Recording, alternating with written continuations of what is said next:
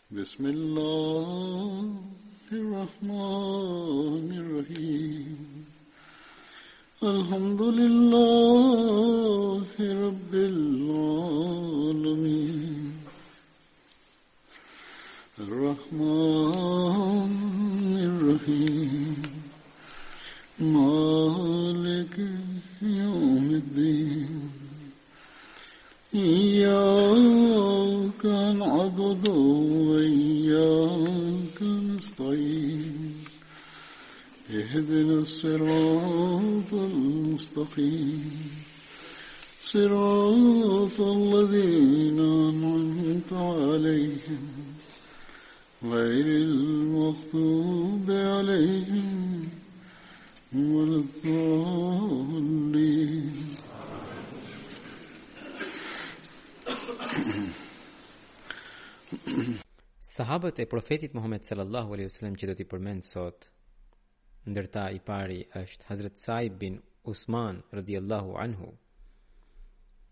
Ai vinte nga fisi Banu Jumah dhe ai ishte djali i Hazrat Usman bin Maz'unit radhiyallahu anhu. Nana e tij quhej Hazret Khawla binti Hakim dhe ai ishte ndër ata që e pranuan islamin në fillim. Hazret Saib bin Osmani bashkë me baban dhe xhaxhan e tij Hazret Kudama mërguan në hixhretin e dytë drejt Abisinisë.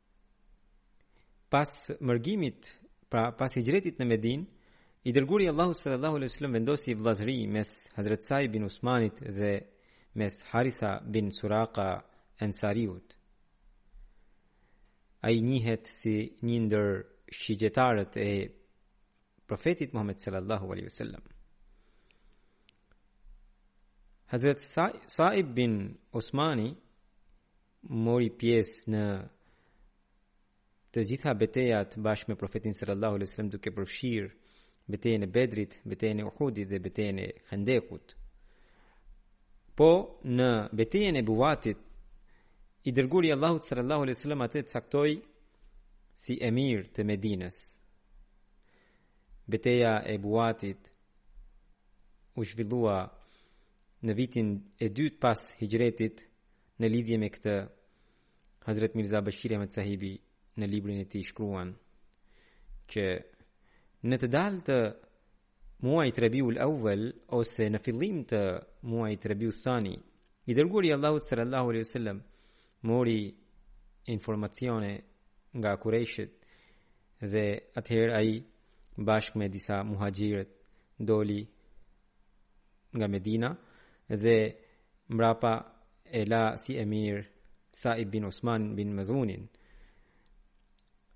Ai shkoi deri në Buat, mirëpo nuk uh, u gjet ndonjë gjurmë e kurejshve dhe profeti sallallahu alaihi wasallam u kthye. Buati është 28 milje larg nga Medina dhe është mali i fisit Xhuhejna.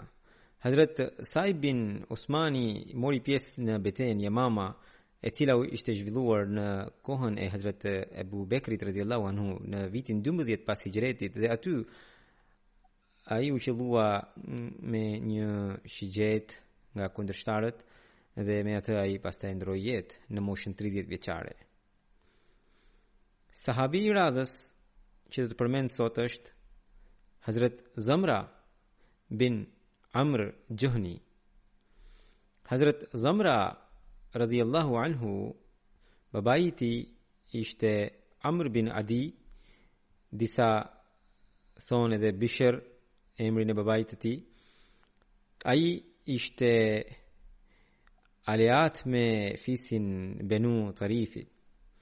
Sipas disave ishte aleat me fisin Benu Saida, që ishte fisi i Hazrat Saad bin Ubadat. Pra halif do të thot aleat kur ata bënin marrëveshje që kushdo që do kishte nevojë ata do të ndihmonin njëri-tjetrin.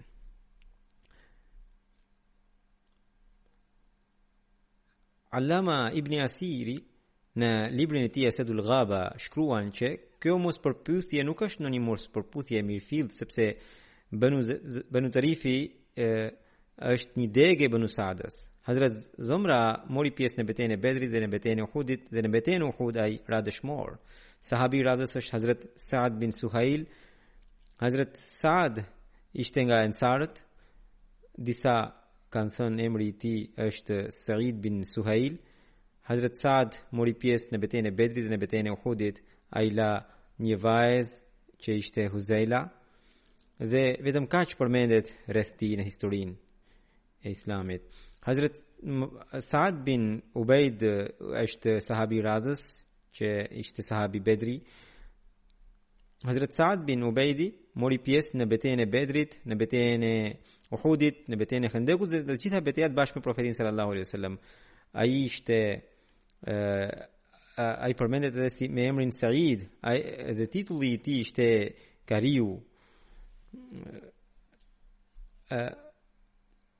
Kunjeti i tij, pra nofka e tij ishte Abu Zeidi. Hazrat Saadi ishte një një ndër katër sahabët, të cilët në kohën e Muhamedit sallallahu alaihi wasallam mblodhën Kur'anin. Djali i tij Umair bin Saadi në kohën e Hazrat Omerit radhiyallahu anhu ishte caktuar guvernator i një pjese të Shamit. Sipas një rrëfimi, Hazrat Saad bin Ubaidi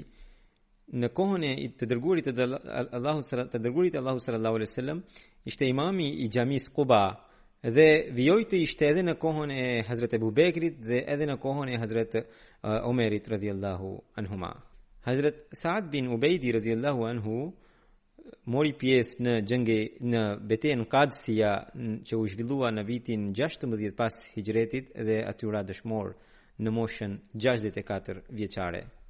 Hazrat Abdurrahman bin Abu Leila rrëfen që xhengi beteja e Xhisrit, pra beteja e Urës, që ndodhi me 13 në vitin 13 pas Hijretit, Aty mori pjesë pikërisht Sad bin Ubejdi dhe ushtria muslimane humbi dhe pati shumë humbje. Hazret Omeri i tha Hazret Sad bin Ubejdit që në qoftë se ka dëshirë të bëjë xhihad, atëherë edhe në Siri, edhe në Sham po bëhet xhihad. Edhe atje muslimanët janë dëmtuar.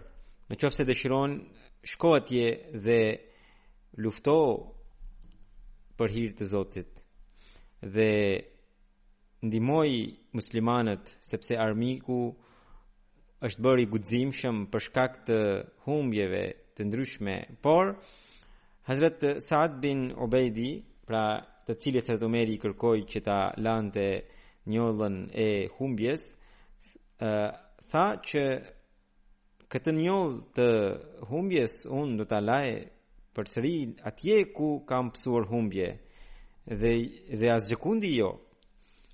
Pra tha që unë nuk do të shkoj asgjëkundi përveç atij vendi ku kam humbur betejën. Dhe pra ai tha që armiku më bëri atë që deshi, por unë përsëri aty do të shkoj. Kështu që Sad bin Ubejdi përsëri erdhi në Qadsia dhe aty duke luftuar ra dëshmor. Hazret uh, eh, Abdurrahman bin uh, Ubejd Abu Leila rrëfen që Hazret Sad bin Ubejdi u tregoi njerëzve që nesër ne do të luftojmë armikun dhe nesër do të biem dëshmorë dhe ju as nuk duhet të na ndërroni rrobat për qafin dhe as nuk duhet të lani gjakun tonë. dhe kështu të na varrosni. Do të tregoj pak hollësi edhe të betejës së Xhisrit, pra betejës së Urës, kam treguar edhe më përpara, por në këtë kontekst do të tregoj edhe një herë. Siç ju thashë, që beteja e Xhisrit, beteja e Urës u zhvillua në vitin 13 pas Hixhretit pranë lumit Ferat mes muslimanëve dhe mes iranianëve. Kryekomandanti i muslimanëve ishte Hazret Abu Ubaid Saqfi, kurse i iranianëve ishte Bahmen Xhadevia, i cili pra muslimanët ishin 10000 kurse iranianët ishin 30000 dhe përveç kësaj ata kishin edhe 100 elefantë Për shkak se ishte lumi që rridhte në mes, për shumë ditë lufta nuk filloi dhe më vonë të dyja palët vendosën të ndërtonin një pul mbi këtë lum dhe për këtë arsye Kjo betejë quhet beteja e Urës ose beteja e Xhisrit. Kur u ndërtua Ura, atëherë Behmen Xhaduvija i dërgoi mesazh Hazrat Abu Ubejdes që a do të vish ti me ushtrinë tënde apo ne të vijmë atje për të luftuar. Hazrat Abu Ubejd mendonte që muslimanët duhet ta parakalonin lumin dhe të luftonin me iranianët kurse kryekomandanti i ushtrisë Hazret Salit ishte edhe ai ishte një prej kryekomandantëve ai ishte kundër këtij mendimi megjithatë Hazret Ubeidi e kapërceu lumin edhe sulmoi ushtrinë iraniane lufta ishte shumë e ashpër kur Bahman Xhadavia pa që ushtria e tij po zbrapsej Ai lëshoi elefantët. Dhe elefantët i çorientu, i çorientuan uh, muslimanët, radhët e muslimanëve pra. Muslimanët filluan të, të shpërndaheshin. Hazret Ubejdi u thirri muslimanët dhe tha që o robërit e Zotit, sulmoni elefantët, Prejuani feçkat elefantëve. Edhe vetë Hazret Abu Ubejda duke thënë këtë doli përpara dhe filloi t'ua printe, t'ua priste feçkat elefantëve. Dhe ndërkohë një elefant i doli përpara edhe atij i, i preu, mirëpo ai Hazret Abu Ubejdi pra ra, ra nën këmbët e elefantëve dhe aty ra dëshmor.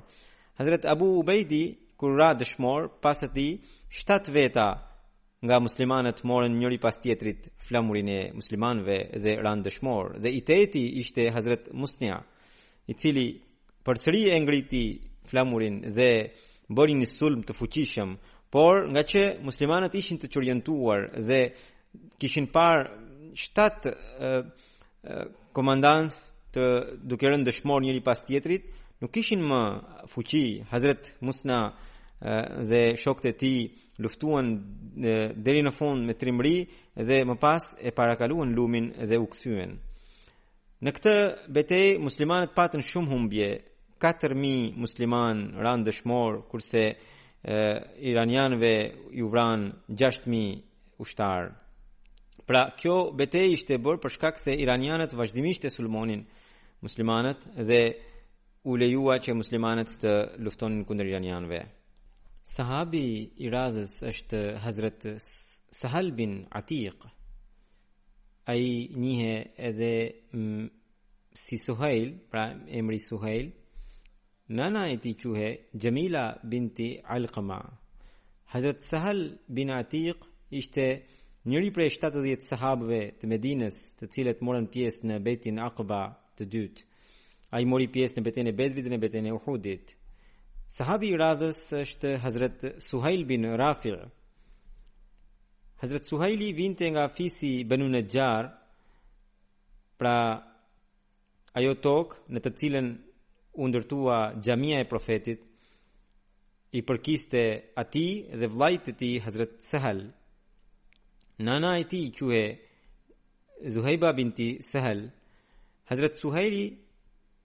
mori pjesë në betejën e Bedrit, Uhudit dhe në Hendekut dhe në të gjitha betejat bashkë me Profetin sallallahu alaihi wasallam.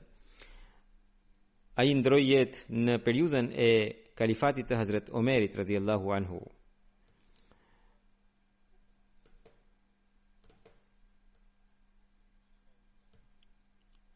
Duke përmendur mërgimin e profetit Muhammed sallallahu alaihi wasallam, Hazret Kalifi i dytë përshkruan, kur profeti hyri në Medinë, çdo njeri dëshironte që profeti sallallahu alaihi wasallam të qëndronte në shtëpinë e tij. Hareja i kishte mbështjellë të gjithë, ngado që kalonte deveja e tij, familjet e asaj rrugice dilnin për të mirëpritur dhe për t'i thënë, urdhëroni o i dërguari i Allahut në shtëpinë tonë. U flijoftë jeta dhe pasuria jonë për ju. O i dërguari i Allahut, jemi të aftë t'ju mbrojmë, qëndroni në shtëpinë tonë. Pra, me fjalë të tilla ata i kërkonin profetit sallallahu alaihi wasallam që ai të qëndronte në shtëpinë e tyre. Disa prej tyre dilnin përpara nga gëzimi dhe përpiqeshin t'ia kapnin frerin devesë së tij, në mënyrë që ta ndalnin te shtëpia e tyre, por profeti sallallahu alaihi wasallam çdokujt i thoshte: "Lëreni devenë time. Sot ajo drejtohet nga Zoti i Madhërishëm dhe do të ndalet atje ku dëshiron ai." Më në fund, deveja u ndal në një truall që u përkiste bonjakëve të Benu Nexharit. Duket se dëshira e Zotit të Lartësuar është që ne të qëndrojmë këtu, u shpreh profeti Muhammed sallallahu alaihi wasallam. Pastaj pyeti se i kujt është trualli. Kujdestari i jetimëve doli përpara dhe iu përgjigj se trualli ishte i këtyre jetimëve. Por ai tashmë ishte në shërbim të të dërguarit të Allahut sallallahu alaihi wasallam. Profeti sallallahu alaihi wasallam refuzoi ta merrte tokën pa pagesë. I, I tha që nuk mund ta marr kështu pa pagesë. Iu caktua një çmim dhe profeti sallallahu alaihi wasallam e mori atë për të ndërtuar xhaminë dhe shtëpinë e tij. Hazret Mirza Bashir Ahmed Sahibi gjithashtu përmendi historinë e xhamisë së profetit në librin e tij Sirat Khatamun Nabiyin, ai thotë, puna e parë pas vendosjes së qytetit të Medinës ishte ndërtimi i xhamisë së profetit, vendi ku u ul deveja e profetit i përkiste dy djelmoshave muslimanë, Sehli dhe Suhajli, kujdestari i të cilëve ishte Hazret Esed bin Zerara. Ishte një vend i braktisur, ku në një pjesë kishte ca palma hurme dhe në pjesën tjetër kishte një rrënojë. I dërguari i Allahut sallallahu alaihi wasallam e pëlqeu vendin për të ndërtuar xhaminë dhe dhomat e tij dhe e bleu me 10 dinarë të asaj kohe. Sahabët e rafshuan, i hoqën palmat për të filluar ndërtimin e xhamisë. Hazuri thotë se sipas një transmetimi, Hazrat Abu Bekri radhiyallahu anhu ishte ai që e pagoi këtë shumë. Hazrat Mirza Bashir Ahmed Sahibi vijon që sahabët e rafshuan i hoqën palmat për të filluar ndërtimin e xhamisë. Hazrat Profeti Muhammed sallallahu alaihi wasallam vetë bëri lutje dhe vuri gurthemelin. Njësoj si në ndërtimin e xhamisë Kuba, edhe për këtë xhami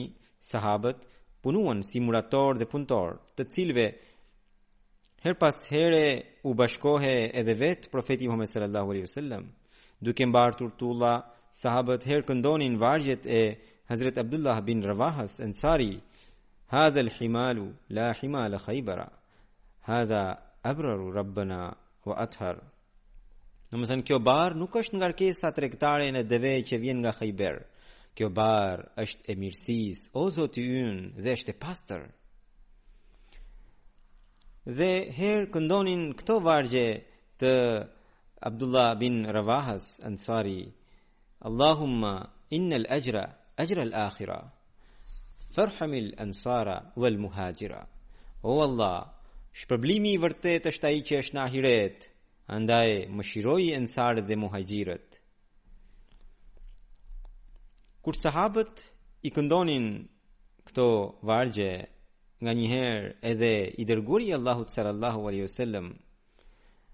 bashkonte zërin e tij me zërin e tyre.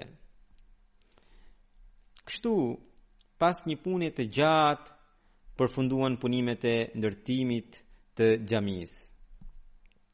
Muret e xhamisë ishin ndërtuar me rrasa guri dhe me tulla, të cilat u vunë ndërmjet shtyllave prej druri. Pra, në atë kohë për të forcuar ndërtesën, vendosnin uh, trungje ose drunj si shtylla dhe mes atyre shtyllave uh, vinin tulla ose e, ose rrasa guri. Thotë, kurse çatia e saj u përgatit me trungje dhe gjethe hurmash, e cila ishte mbështetur me shtylla shtesë brenda xhamisë të cilat përsëri ishin trungje hurmash. Deri në kohën kur akoma nuk ishte hedhur propozimi i mimberit, i dërguari i Allahut sallallahu alaihi wasallam mbështetej te njëra prej këtyre shtyllave për të ligjëruar hutbe Duke qëndruar në këmbë, dyshemeja e xhamisë ishte e pashtruar dhe në kohë në, në kohë shirash kur çatia pikonte, ajo bëhej baltë. Duke parë këtë vështirësi, më vonë e forcuan dyshemenë me zall. Fillimisht xhamia ishte në drejtim të Bejtul Mekdesit, por pas ndërrimit të kibles u ndryshua edhe drejtimi i saj. Në atë kohë xhamia e Profetit sallallahu alaihi wasallam ishte 10 fut, domethënë 3 metër në lartësi. kurse gjerësia dhe gjatësia e saj respektivisht ishin 105 fut, domethënë 32 metër dhe rreth 90 fut, domethënë 27 metër. Më vonë u zgjerua dhe kjo ishte rreth për 1500 veta namazfalës. Ai vijon në një cep të xhamisë ishte ndërtuar një hajat që i thoshin Sufa, për ata muhaxhirë të varfër që nuk kishin asnjë shtëpi në Medinë. Ata u quajtën Eshabu Sufa, banorët ose shokët e hajatit. Puna e tyre ishte që natë e ditë të rrinin pranë profetit sallallahu alaihi wasallam, të adhuronin Zotin e Madhërishëm dhe të recitonin Kur'anin famëlartë. Shokët e hajatit nuk kishin asnjë mundësi të sigurt të ardhurash, I dërguari i Allahut sallallahu alaihi wasallam kujdesej për ta, dhe sa herë që dikush i dërgonte ndonjë ushqim ose nëse ai vetë kishte diçka në shtëpi, një pjesë ua dërgonte edhe atyre. Madje disa herë profeti sallallahu alaihi wasallam vetë rrinte pa bukë dhe ushqimin e shtëpisë ua dërgonte shokëve të hajatit. Edhe ensarët sa të mundeshin i ndihmonin. Nganjëherë sillnin bistakë hurmash dhe i varnin në xhami për ta. Megjithatë shpesh ata ishin të ngushtë. Disa herë kalonin ditë pa bukë. Kështu vijoi për disa vjet Derisa disave u doli mundësi punësimi për shkak të popullimit gradual të Medinës, kurse disave të tjerë arka e shtetit, pra Bejtul Mali, u siguroi ndihmë ekonomike. Ngjitur me xhaminë, u ndërtua një shtëpi për profetin Muhammed sallallahu alaihi wasallam, shtëpi e cila në fakt ishte një dhomë prej 10 a 15 futash. dhe që kishte një derë që e ndante nga xhamia, nga e cila profeti sallallahu alaihi wasallam vinte në xhami për namaz dhe për punë të tjera. Kur ai u martua me gra të tjera, ngjitur me këtë dhomë u ndërtuan edhe dhoma të tjera. Pranë xhamisë u ndërtua u ndërtuan shtëpi edhe të disa sahabëve të tjerë. Kjo ishte xhamia e Profetit sallallahu alaihi wasallam që u vendos në Medinë, ngaqë nuk kishte ndonjë ndërtesë tjetër publike e tillë ku Profeti sallallahu alaihi wasallam të mund të kryente punët e popullit. Kjo xhami shërbente edhe si kuvendi i qeverisë së tij. Po këtu Profeti sallallahu alaihi wasallam bënte mbledhjet e tij, Po këtu ngriheshin këshilla të ndryshëm, po këtu gjykoheshin çështje civile, po këtu lëshoheshin vendime dhe po kjo ishte edhe vendpritje për mysafirët që vinin nga jashtë dhe në rast nevoje po këtu përgatitej burgu për të zënët në luftë.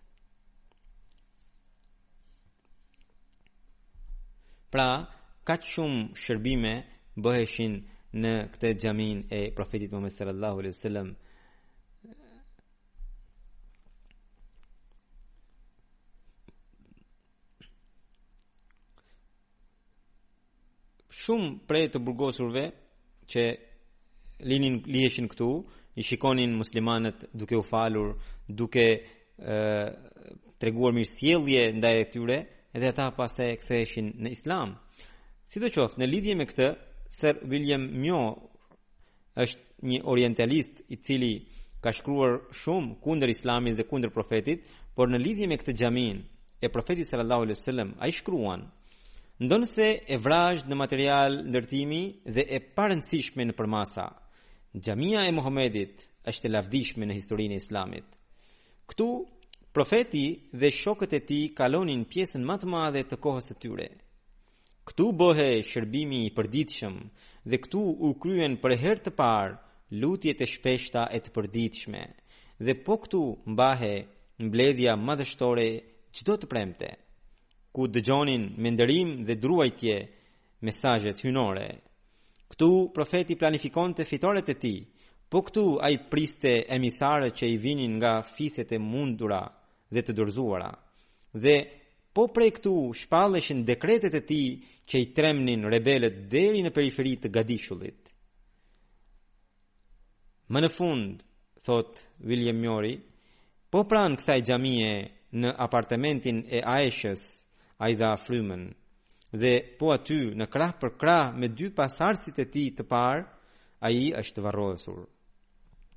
Hazrat Mirza Bashir Ahmed Sahibi vijon, xhamia dhe dhomat e ngritura, dhomat e ngjitura me të u ndërtuan në një kohë që zgjati afërsisht 7 muaj dhe i dërguari i Allahut sallallahu alaihi wasallam hyri në shtëpinë e re bashkë me bashkëshorten e tij Hazrat Sauda radhiyallahu anha.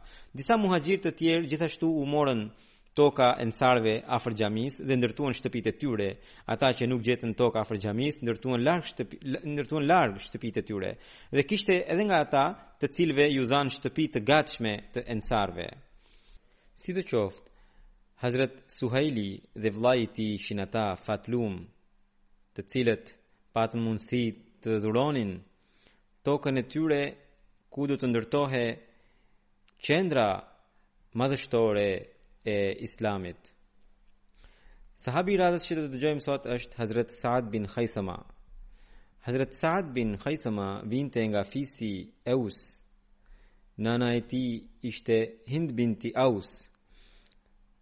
Hazret Abu Zajah Numan bin Thabiti, që gjithashtu është sahabi Bedrit, ishte vllai i tij nga nëna.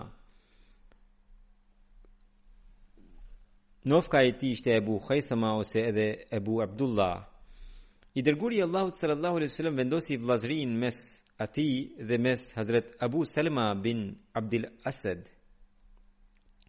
Saadi gjithashtu ishte njëri prej 12 prijësve që caktoi profeti sallallahu alaihi wasallam në bejtin Aqba të dytë pra prijës të muslimanëve të Medinës përpara se të bëhej mërgimi se si u vendosën këta 12 prijës ose naqib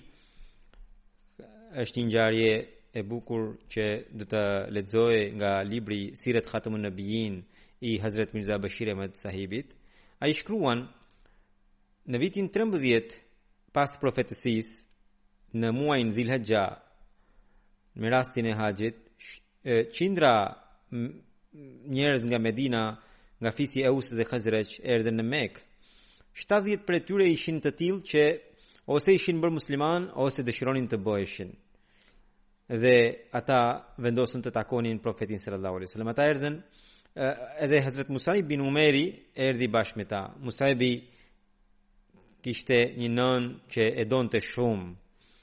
Kur ajo u mori vesh për ardhjen e Musabit, ajo i dërgoi mesazh që së pari hajde edhe takohu me mua. Pastaj mund të shkosh diku tjetër. Musabi i tha që unë ende nuk e kam takuar të dërguarin e Allahut sallallahu alaihi wasallam.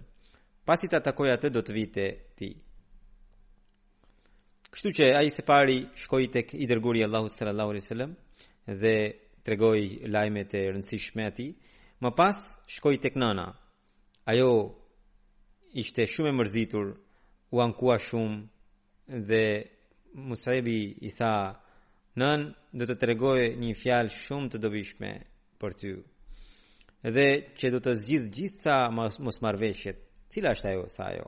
Musebi, tha heshtur, tha me zë të ulët, hiq dorë nga idhujtaria dhe bëhu muslimane dhe pranoje profetin Muhammed sallallahu alaihi wasallam. Ajo ishte idhujtare e fortë. Me të dëgjuar këtë, filloi të bërtiti dhe tha, Pasha yjet kurrë nuk do të hyj në fenë tënde, o Museb. I bëri me shenjë të afërmit e tij që ta burgosnin Musebin, por Musebi arriti të shpëtonte veten dhe iku me vrap prej atje. Sidoqoftë, Profeti sallallahu alajhi wasallam ishte njoftuar prej Musebit për ardhjen e ansarëve dhe disa ansar edhe kishin takuar individualisht, por ishte nevojitur, ishte, nevojitej një takim kolektiv në vetmi. Për këtë arsye, pas traditave të haxhit, u caktua data në mesin e muajit Dhulhijja. dhe në mesnatë. Të gjithë ishin njoftuar të takoheshin aty ku ishin takuar disa medinas një vit më përpara në mënyrë që të flisnin në vetmi me profetin sallallahu alajhi wasallam. I dërguari i Allahut sallallahu alajhi wasallam i porositi që të vinin një nga një në mënyrë që armiku të mos i shikonte dhe të vinin në kohën e duhur dhe gjithashtu i tha u tha që në qoftë se dikush nuk çohet, nuk nuk është në gjumë, të mos e zgjonin dhe as të mos e prisnin atë që kishte munguar. Kështu që kur erdhi data e caktuar dhe koha e caktuar pas mesnate, edhe profeti sallallahu alaihi wasallam doli bashkë me xhaxhain e tij Abbasin, i cili ende nuk e kishte pranuar islamin, ishte idhujtar, por e donte shumë, dhe ishte kryetari i fisit Hashim, të dy mbërritën në vendin e caktuar. Nuk kishte kaluar shumë kohë që edhe ensarët, një nga një u mblodhën të gjithë. Ishin 70 dhe ishin edhe nga fisi Eus dhe fisi Hazrexh. Së pari, Abbasi filloi bisedën, tha, o, Hazrexh, dhe o Eus ju duhet ta dini që Muhamedi sallallahu alaihi wasallam është një njeri i nderuar në fisin e tij dhe fisi i tij deri më sot e ka mbrojtur atë dhe i ka dalë në mbrojtje për çdo rrezik. Tani Muhamedi dëshiron të largohet nga vendi i tij dhe dëshiron të vijë tek ju. Në qoftë se ju keni dëshirë ta mbani atë, atëherë duhet të jeni gati për çdo rrezik dhe duhet ta mbroni atë në çdo me çdo kusht. Në qoftë se jeni gati, atëherë pranojeni këtë. Në qoftë se nuk jeni gati, atëherë hiqni dorë nga kjo ky mendim. Bara bin Marur, i cili ishte një i moshuar dhe ishte njëri prej krerëve pra prijësve të ensarëve, u çua dhe tha që Abbas ne të dëgjuam. Duam të dëgjojmë edhe të dërguarin e Allahut sallallahu alaihi wasallam dhe duam të dimë se çfarë përgjegjësie ai dëshiron të na ngarkojë neve. Atëherë i dërguari i Allahut sallallahu alaihi wasallam lexoi disa ajete të Kuranit, më pas mbajti një fjalim të shkurtër, tregoi rëndësinë dhe mësimet e Islamit, tregoi rreth detyrimeve që kemi ndaj Allahut dhe ndaj robërve të tij dhe tha: Unë dua që ju të më mbroni ashtu siç i mbroni të afërmit tuaj në rast nevoje. Kur profeti sallallahu alaihi wasallam e mbaroi fjalimin, atëherë Bara bin Maruri, sipas traditës së arabëve, dha dorën në dorën e profetit sallallahu alaihi wasallam dhe tha: "O i dërguari i Allahut, pasha Zotin, për Zotin që ju dërgoi me vërtetësinë, ne do t'ju mbrojmë ju sikur jetën tonë. Ne, tha, kemi, jemi rritur nën hijen e shpatave. Ende nuk e kishte mbaruar fjalën ai që Ebul Haytham bin Tehjan, një tjetër njeri, e preu fjalën dhe tha, o, o i dërguari i Allahut, Jethrebi, pra banorët e Medinës, kanë lidhje të hershme me hebrenjtë dhe tha mos ndodh që ju kur të keni kur Allahu ju do t'ju japë fitoren ju të largoheni nga ne dhe përsëri të ktheheni vendlindjen tuaj dhe ne të mbetemi në mes I Dërguari i Allahut sallallahu alejhi wasallam buzëqeshi dhe tha se jo, nuk do të ndodhë kështu. Gjaku juaj do të jetë gjaku im, miku juaj do të jetë miku im dhe armiku juaj do të jetë armiku im. Me këtë Abbas bin Ubada Ansariu i pa shokët e tij e këtij dhe tha A e kuptoni se çfarë do të thotë kjo marrëveshje? Kjo do të thot që ju duhet të dilni Ju duhet të jeni të gatshëm për të përballuar çdo armik të bardhë apo me ngjyrë. Dhe duhet të jeni të gatshëm për të sakrifikuar çdo gjë për të mbrojtur profetin. Ata thanë, po ne e dim, e kemi kuptuar. Dhe njerëzit pyetën, o i dërguari i Allahut, ne çfarë do të marrim në këmbim të kësaj? I dërguari i Allahut sallallahu alaihi wasallam u tha, ju do të gëzoni xhenetin e Allahut, i cili është bekimi më i madhi prej bekimeve të tij. Ata thanë, ne e pranuam marrëveshjen. Dhe më pas thanë, zgjasni dorën o i dërguari i Allahut. Ata më pas në dorën e Muhamedit sallallahu alaihi wasallam 70 të të, të, të gjithë bënë bej bejt pra ose besëlidhje dhe kjo besëlidhje quhet besëlidhje akba e dytë kur u bë kjo be atëherë profeti sallallahu alaihi wasallam tha që Musai alaihi salam kishte zgjedhur 12 prijës nga populli i tij edhe unë dëshiroj të bëj të njëjtën gjë Edhe këta do të jenë prijës dhe mbrojtës tuaj, edhe këta do të jenë edhe si dishepujt e Hazreti Isait alayhis salatu sallam që do të vinin edhe do të më përgjigjen për popullin e tyre. Andaj zgjidhni ju emrat e përshtatshëm dhe më thoni. Kështu që u zgjodhën 12 emra dhe profeti sallallahu alaihi wasallam i miratoi dhe profeti sallallahu alaihi wasallam i caktoi për secilin fis. Nganjëherë edhe për një fis u caktuan nga dy prijës. Sidoqoftë, këta dy dymbëdhjetë prijës ishin, Asad bin Zërara, Usaid bin Hudhejr, Abul Hejthëm Malik bin Tahjan, Saad bin Ubada, Bara bin Marur, Abdullah bin Ravaha, Ubada bin Samit, Saad bin Rëbi, Rafi bin Malik, Abdullah bin Amr dhe Saad bin Khaythama për të cilin po flasim në këtë hytbe dhe i 12-ti Munzir bin Amr. Gjatë ngjarjes së mërgimit drejt Medinës në vendin Quba, i dërguari i Allahut sallallahu alaihi wasallam qëndroi në shtëpinë e Hazrat Kulsum bin Al-Hadamit. Në lidhje me këtë thuhet gjithashtu që ai tërgoi ai ai qëndroi në shtëpinë e Hazrat Sa'd bin Khaythamas dhe gjithashtu thuhet që i dërguari i Allahut sallallahu alaihi wasallam qëndroi në shtëpinë e Kulthum bin Al-Hadamit, por kur doli nga shtëpia e tij për të takuar njerëz të tjerë, qëndroi në shtëpinë e Sa'd bin Khaythamas. Pas së bejtit Aqba Të parë, kur i dërguari i Allahut sallallahu alaihi wasallam dërgoi Hazrat Musab bin Umairin për muslimanët e Medinës, pas pak ditësh ai i kërkoi profetit leje për të udhëhequr namazin e xhumasë në Medinë. Dhe profeti sallallahu alaihi wasallam e lejoi dhe i dha disa udhëzime. Në bazë të atyre udhëzimeve, xhumaja e parë që u fal në Medinë ishte pikërisht në shtëpinë e Hazrat Sa'd bin Khaitamas. Kjo përmendet në Tabaqat al-Kubra. Saad bin Khaythama në Quba ka pasur një pus që e quanin al-Ghars. I dërguari i Allahut sallallahu alaihi wasallam pinte ujë prej këtij pusi dhe thoshte se ky është njëri prej puseve të xhenetit.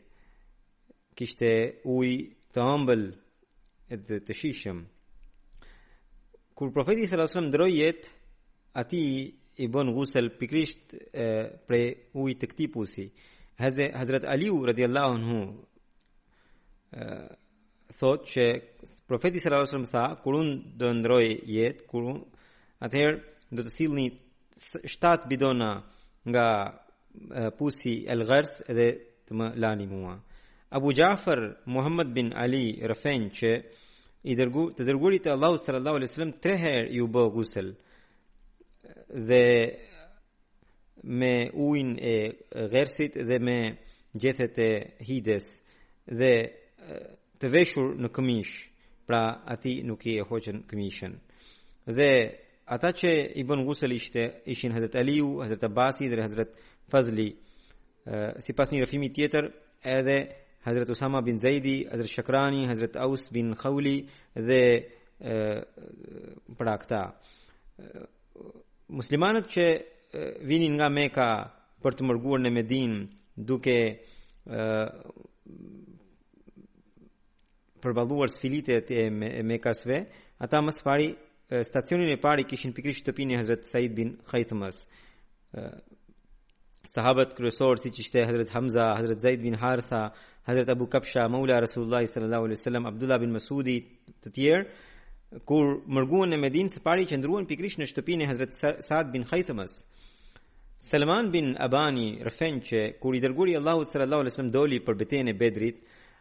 Atëherë bashkë me pra Hazrat Sa'd bin Khaythamas donte të vinte edhe babai i tij. Profeti sallallahu alaihi wasallam kur mori vesh, ai tha që vetëm njëri prej ju të dyve mund të vijë. Mund të bëni short me njëri tjetrin. Khaythama i tha të birit Sa'd që ti qëndro me gratë mbroji ato dhe unë do të dal në betejë. Sadi tha që po të ishte ndonjë gjë tjetër përveç xhenetit, unë ty do të jepja përparësi o baba, por unë vetë jam, uh, unë vetë dua të bëhem dëshmor, kështu që uh, hodhën short dhe shorti i doli pikërisht për Saad bin Khajthamës, për Saad bin Khajthamën. Ai mori pjesë në betejën Bedr dhe ra dëshmor. Atë e vrau Amr bin Abdi Vud dhe sipas një rrëfimi tjetër Taima bin Adi. Taiman e vrau Hazret Hamza në betejën e Bedrit, kurse Amr bin Abdi Vudin e vrau Hazret Aliu në betejën e Hendekut.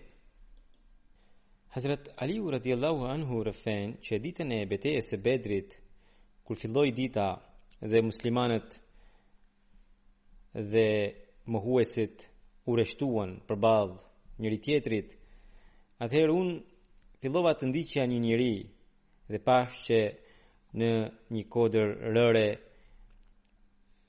Hazret Saad bin Khaythama po luftonte me një idhujtar dhe idhujtari e vrau Hazret Saadin. Idhujtari ishte në kalë dhe i veshur me parzmore të hekurt. Ai më njohu dhe unë nuk e njoha atë. Ai më ftoi për dyluftim. Më sfidoi për dyluftim dhe unë kur po shkoja ngaqë isha poshtë dhe ai po zbriste, unë u tërhoqa. Pra, nuk desha, Hazuri sqaron, që Hazrat Aliu donte që dhe ai të zbriste poshtë në mënyrë që të bëhej luftim siç duhet. Ë dhe teksa po tërhiqesha në këtë mënyrë, ai më tha: "O biri i Ebi Talibit, a po ia mbath?" I thashë: "Qaribun mufarrub nishtara."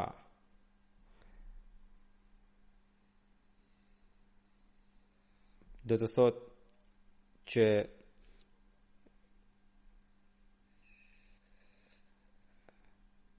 tërheqja ime është si e, e tërheqja e birit të Ishtëras pra do të thotë ishte i pamundur sepse kjo ishte si shprehje sepse Ishtëra ishte një rëmbyes që i sulmonte njerëzit dhe Kur njerëzit i sulmo, e sulmonin ai largohej, por largohej vetëm për pas për pak, përsëri kur gjente mundësinë e sulmonte.